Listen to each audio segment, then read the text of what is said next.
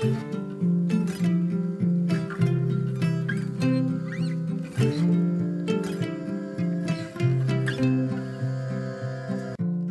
och välkommen till For Health med Anna Sparre!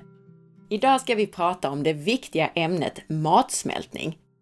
Jättemånga har problem med matsmältningen, vilket kan yttra sig i allt från sura uppstötningar till lös eller hård avföring, eller att du inte tycker om kött och annan proteinrik mat.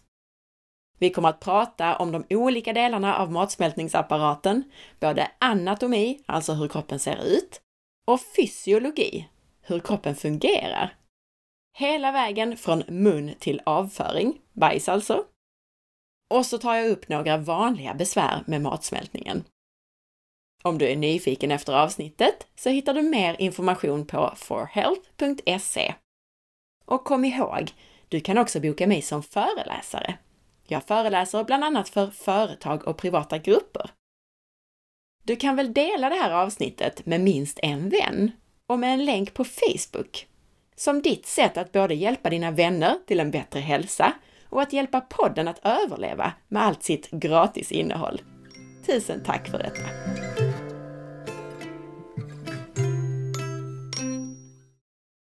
Eftersom det pratas för lite bajs och nästan ingen vet hur en normal matsmältning ska fungera, så blir det idag lite fysiologisk och anatomisk grundkunskap. Alltså hur kroppen ser ut och fungerar med hänsyn till matsmältningen. För att börja med att summera så går maten du äter via mun, matstrupe, magsäck, tolvfingertarm och tunntarm och vidare till tjocktarm och ändtarm innan resterna kommer ut som avföring. Det första maten möter när du stoppar den i kroppen, det är munnen. Och du kanske inte tänker så mycket på vad munnen har för funktion i matsmältningen. Men i munnen så har du först och främst tänder som börjar nedbrytningen av maten. En mekanisk nedbrytning. Ett väldigt vanligt problem är att vi tuggar maten för dåligt. Vi har inga tänder längre ner i matsmältningskanalen, så skickar du ner för stora bitar så blir det jobbigt för kroppen. Och troligen kommer du att ta upp mindre näring än om du hade tuggat maten väl. Tuggandet är också en signal till kroppen att nu kommer det mat, så det ger kroppen en chans att förbereda sig och börja utsöndra olika ämnen som kan behövas för matsmältningen. Och det här är en av många anledningar till att tuggummituggande inte är det bästa, eftersom det lurar kroppen att förbereda för mat. Någon klok person har myntat begreppet You should chew your water and drink your food vilket i klartext betyder att du ska förbereda kroppen genom att tugga maten tills den är flytande och absolut inte skölja ner mat med vatten. Och när du dricker är det också bra att nästan tugga till vattnet och inte bara hälla det rakt ner i strupen. Då förbereder du kroppen på bästa sätt. Smaken av maten känner du med hjälp av smaklökarna som finns på tungan, i svalget och i gommen. I munnen så har vi också det fantastiska salivet. Saliv behövs för att hjälpa till att bryta ner maten och få konsistensen på det vi äter att bli mjuk och smidig. Mellan en och en och en halv liter saliv per dag utsöndras i munnen. Saliven, eller salivet, kommer från spottkörtlarna, på sidorna i munnen och under tungan. Saliven innehåller olika ämnen som bryter ner maten. Till exempel enzymet amylas som bryter ner stärkelse, kolhydrater. Men i saliv så har vi också ämnen som tillhör immunförsvaret och kan ta död på skadliga mikroorganismer som vi råkar sätta i oss. En reflex gör att du sväljer maten ner i matstrupen och samtidigt stängs struplocket för öppningen till luftstrupen. Längst bak i munnen så finns också gomspenen och det är en flik som fälls bakåt och uppåt som ett lock över gången upp till näshålan när vi äter. Matstrupen är ungefär 25 cm lång och runt den löper det muskler som pressar ner maten till magsäcken. Och de här musklerna sköts av det omedvetna nervsystemet och arbetar alltså utan att vi behöver tänka på det.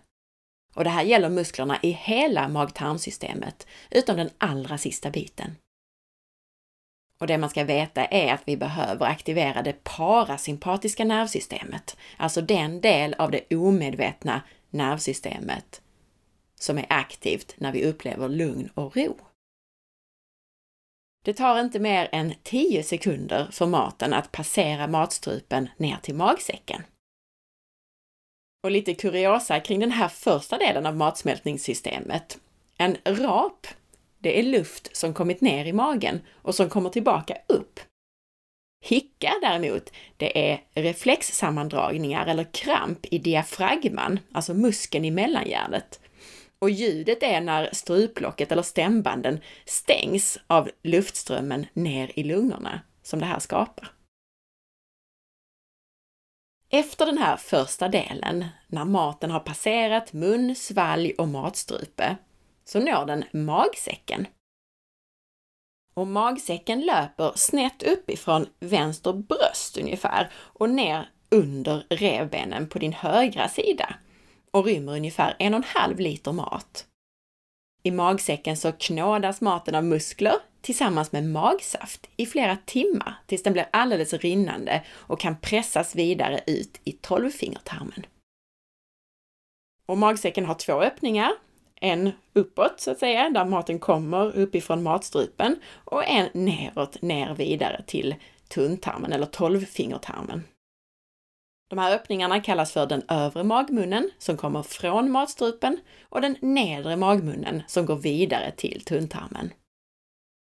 När magsäcken är tom så är den veckad och när den fylls så plattas de här vecken ut så volymen blir större. I magsäckens slemhinna så finns det körtlar som producerar 2-3 liter magsaft per dygn. Och de här körtlarna ligger i de här vecken i magsäcken. Magsaften innehåller bland annat saltsyra som gör den sur och aktiverar enzymer och hjälper till att bryta ner maten och ta koll på mikroorganismer, alltså patogener, sjukdomsframkallande ämnen, som vi får i oss med maten. Och det är riktigt surt i magen. pH ligger på ungefär 1,5. Supersurt alltså. Och därför så har magen slem som skyddar den mot att frätas sönder. När magsäcken skadas så att det blir ett magsår så beror det oftast på bakterien Helicobacter pylori, alltså H. pylori. En av få bakterier som faktiskt kan överleva i en så sur miljö som magsäcken är. Och på grund av den här bakterien så behandlar man därför magsår oftast med antibiotika. Men magsäckens slemhinna kan också skadas om du inte är så snäll mot kroppen. Till exempel om du stoppar i dig stora mängder värktabletter.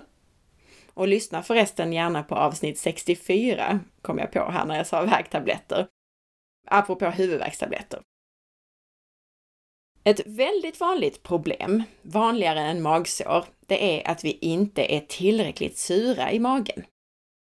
Det gör att vi inte bryter ner maten som vi ska, särskilt inte protein. Det kan också ge sura uppstötningar.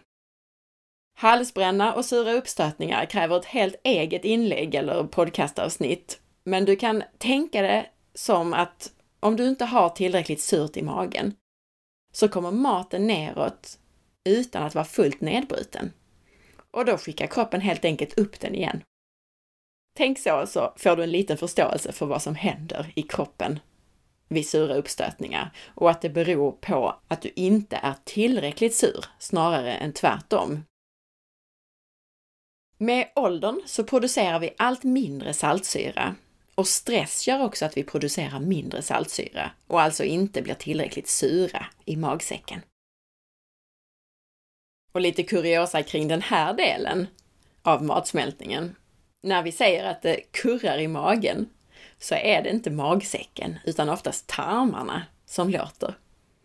Ofta kan du höra kurrandet när du slappnar av. Du går och lägger dig eller får massage och det parasympatiska omedvetna nervsystemet går igång och sätter igång matsmältningen. När du är hungrig så kan också tarmarna röra sig och signalera att de vill ha mat att jobba med. Också om man får ont i magen så är det oftast tarmarna egentligen och inte själva magsäcken. Det kan bero på väldigt många olika saker om man har ont i magen. Allt från stress och oro till en magsjuka eller infektion, eller att du har ätit någonting som kroppen har svårt att bryta ner och som ger dig gaser. Tolvfingertarmen är början av tunntarmen och har fått sitt namn eftersom den är ungefär lika lång som 12 fingrar i bredd, ungefär 25 centimeter.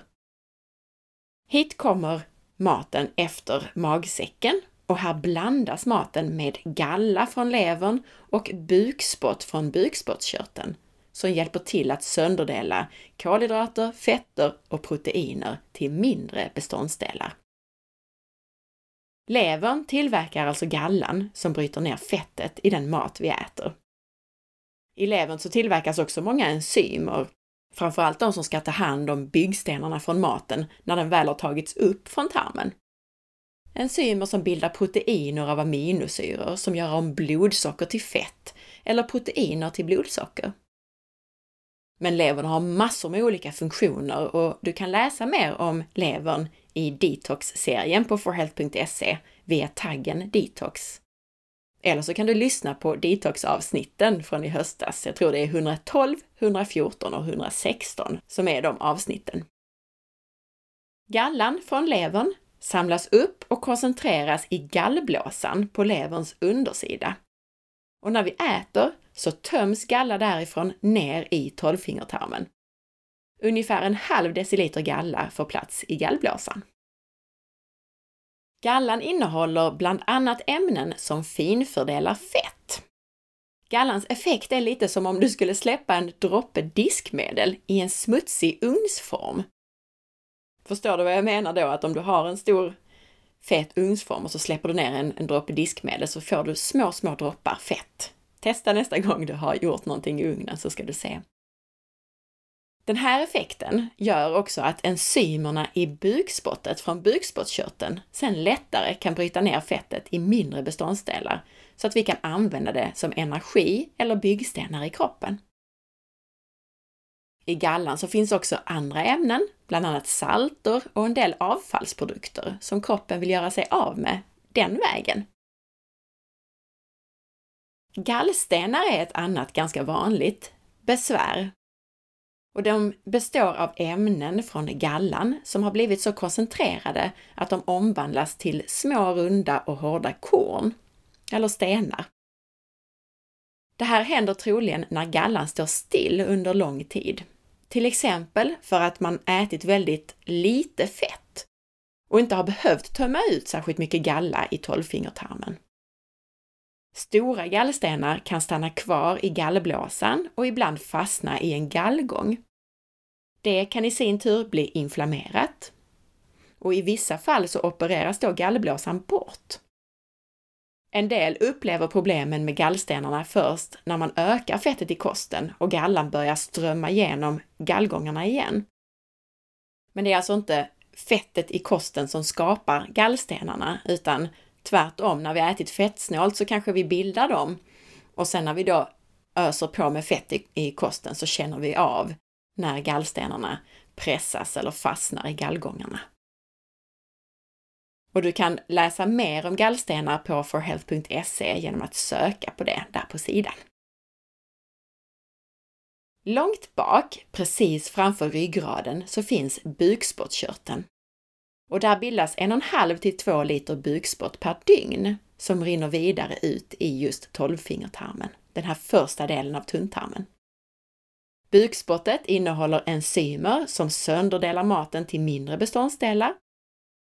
Men i bukspottet så finns det också bikarbonat, ett basiskt ämne, som gör maten lite mindre sur efter passagen genom den sura magsäcken. Och för att slänga in lite kuriosa igen, så är det så att matsmältningsapparaten även kallas för second brain, din andra hjärna.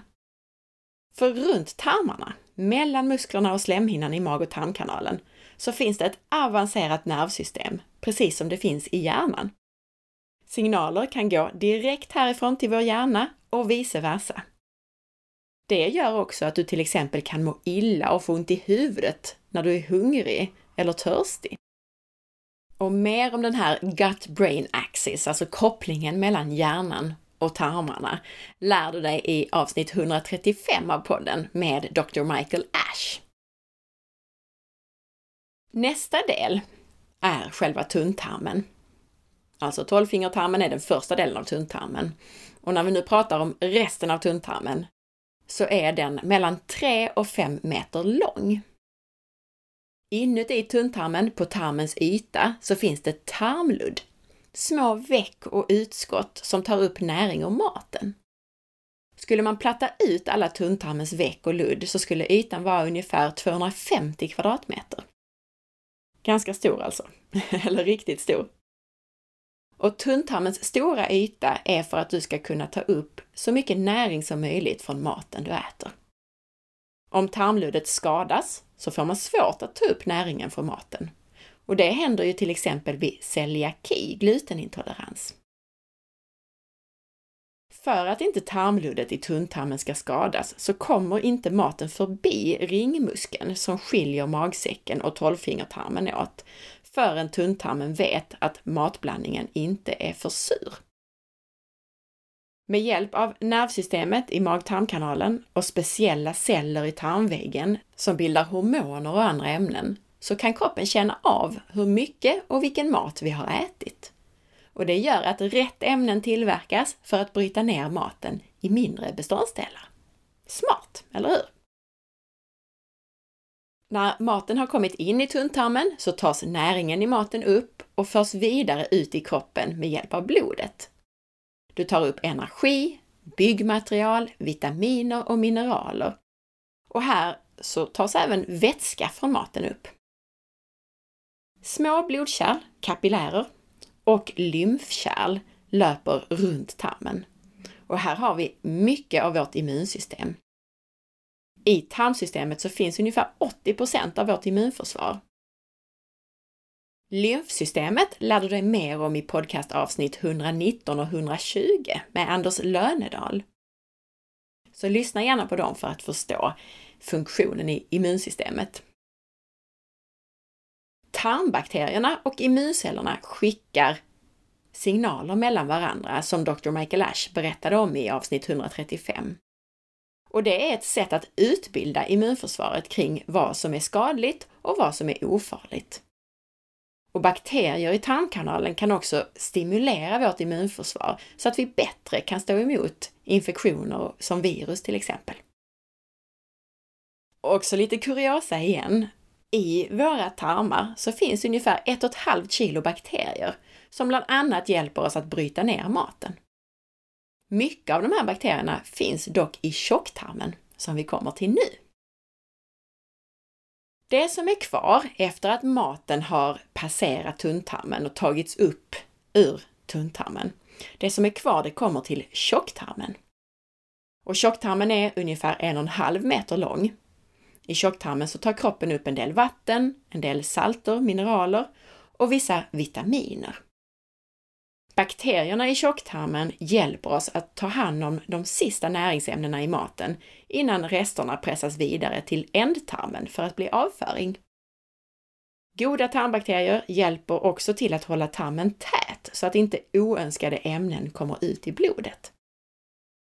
Bakterierna i tjocktarmen är bland annat delaktiga i kroppens immunförsvar, vilket jag nyss beskrev lite grann om, och en del bakterier producerar vitamin K eller B-vitaminer. Bakterierna bryter även ner en del kolhydrater som resten av matsmältningssystemet inte kunnat ta hand om, som cellulosa till exempel. Men den mesta energin som utvinns ur de här sista beståndsdelarna, de används av tarmbakterierna själva och tas alltså inte upp av vår kropp. När maten bryts ner i tjocktarmen av bakterier så jäser de maten. Det hjälper kroppen så att den kan ta upp ännu mer näring från maten. Vid jäsningen så bildas det också gaser och du producerar mellan 1 och 2 liter gas per dygn i tjocktarmen som kommer ut som pruttar och fisar, rapar eller via blodet och ut genom lungorna. På den första delen av tjocktarmen så sitter det som kallas för blindtarmen, som är ett litet bihang. Blindtarmen är mest känd för att om den blir inflammerad så får du blindtarmsinflammation. Och kanske får du operera då. Men inflammation i blindtarmen får du av samma anledningar som du får inflammation på andra ställen. Till exempel av kost som mjöl, socker och raffinerade vegetabiliska oljor. Så för att undvika att få problem med blindtarmen så undvik inflammatorisk mat och ät antiinflammatoriskt näringsrik mat med mycket grönsaker, naturligt fett och proteiner från djur som har haft det bra. Nu för tiden så pratar forskare om att blindtarmen antagligen är en reservoar för goda tarmbakterier. Ett litet förråd av de här viktiga mikroorganismerna som du behöver för att bryta ner mat, producera vitaminer och så vidare. Det tar någonstans mellan en halv och två dagar för maten att ta sig från munnen till ändtarmen. Det är alltså inte maten som du har ätit precis som gör att du blir toanödig efter frukost. När du äter en måltid och maten kommer ner i magen så går en signal till tjocktarmen att nu är det dags att föra vidare maten. Och en del av tjocktarmens innehåll töms då ut i ändtarmen. Det som är kvar från maten du har ätit, det är vatten och växtfibrer som vi inte kan bryta ner. Och här finns också slem, döda celler och bakterier som har följt med på vägen genom tarmen. Och så ämnen som kroppen vill bli av med. Runt ändtarmens öppning så finns det två ringformade muskler som styr när vi bajsar. Den första av dem styrs av det omedvetna nervsystemet och den andra, den kan styras med viljan. Det är det som gör att vi kan styra lite grann när vi vill gå på toa och när det inte passar sig. Men man ska inte undantrycka de här signalerna för ofta och för länge, för då kan man faktiskt störa den här mekanismen så att den inte, inte fungerar lika bra längre. Utan behöver du gå på toaletten, så leta upp en toalett. De flesta behöver gå på toaletten och bajsa en gång per dygn. Och det är hälsosamt att bajsa mellan en och två gånger om dagen. En för snabb passage av maten genom matsmältningssystemet gör att vi inte hinner ta upp vad vi ska. Men en för långsam passage gör att vi bland annat tar upp ämnen igen som kroppen egentligen ville göra sig av med. Färgen på avföringen kan säga en del kring det här om hastigheten är optimal eller inte. Har det tagit längre tid och blivit lite hårdare så är det ofta mörkt och har det passerat snabbt genom kroppen så är det ofta ljusare och innehåller mer vätska. Hemorrojder och andra problem längst ner i tarmen kan du bland annat undvika genom att komma ner mot en mer huksittande ställning när du går på toaletten. Sätt en pall framför toastolen, sätt fötterna på den och luta dig lite framåt. Och mer om detta får du lära dig i det allra första avsnittet, avsnitt 1, som handlar om just hugsittande. Sådär, det var dagens lilla lektion kring hur kroppen fungerar. Jag hoppas att det gav dig en bra inblick och kanske svar på någon fråga kring varför du har något problem med matsmältningen. Om du är intresserad av maghälsa så kan du läsa mer via taggen mage och via taggen microbiome på forhealth.se. Lyssna gärna även på avsnitt 44, 46 och 51 av podden för spännande grundkunskap om din tarmflora. Och på avsnitt 80, 109, 128, 134, 135 och 137 av podden på det här spännande ämnet. Ja, du hör, det finns ju hur mycket som helst att prata om när det gäller den här viktiga delen av kroppen. Därav så många avsnitt.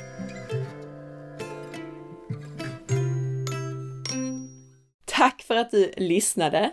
Missa inte att följa med på forhealth.se och på facebook.com forhealth.se och på Instagram via asparre.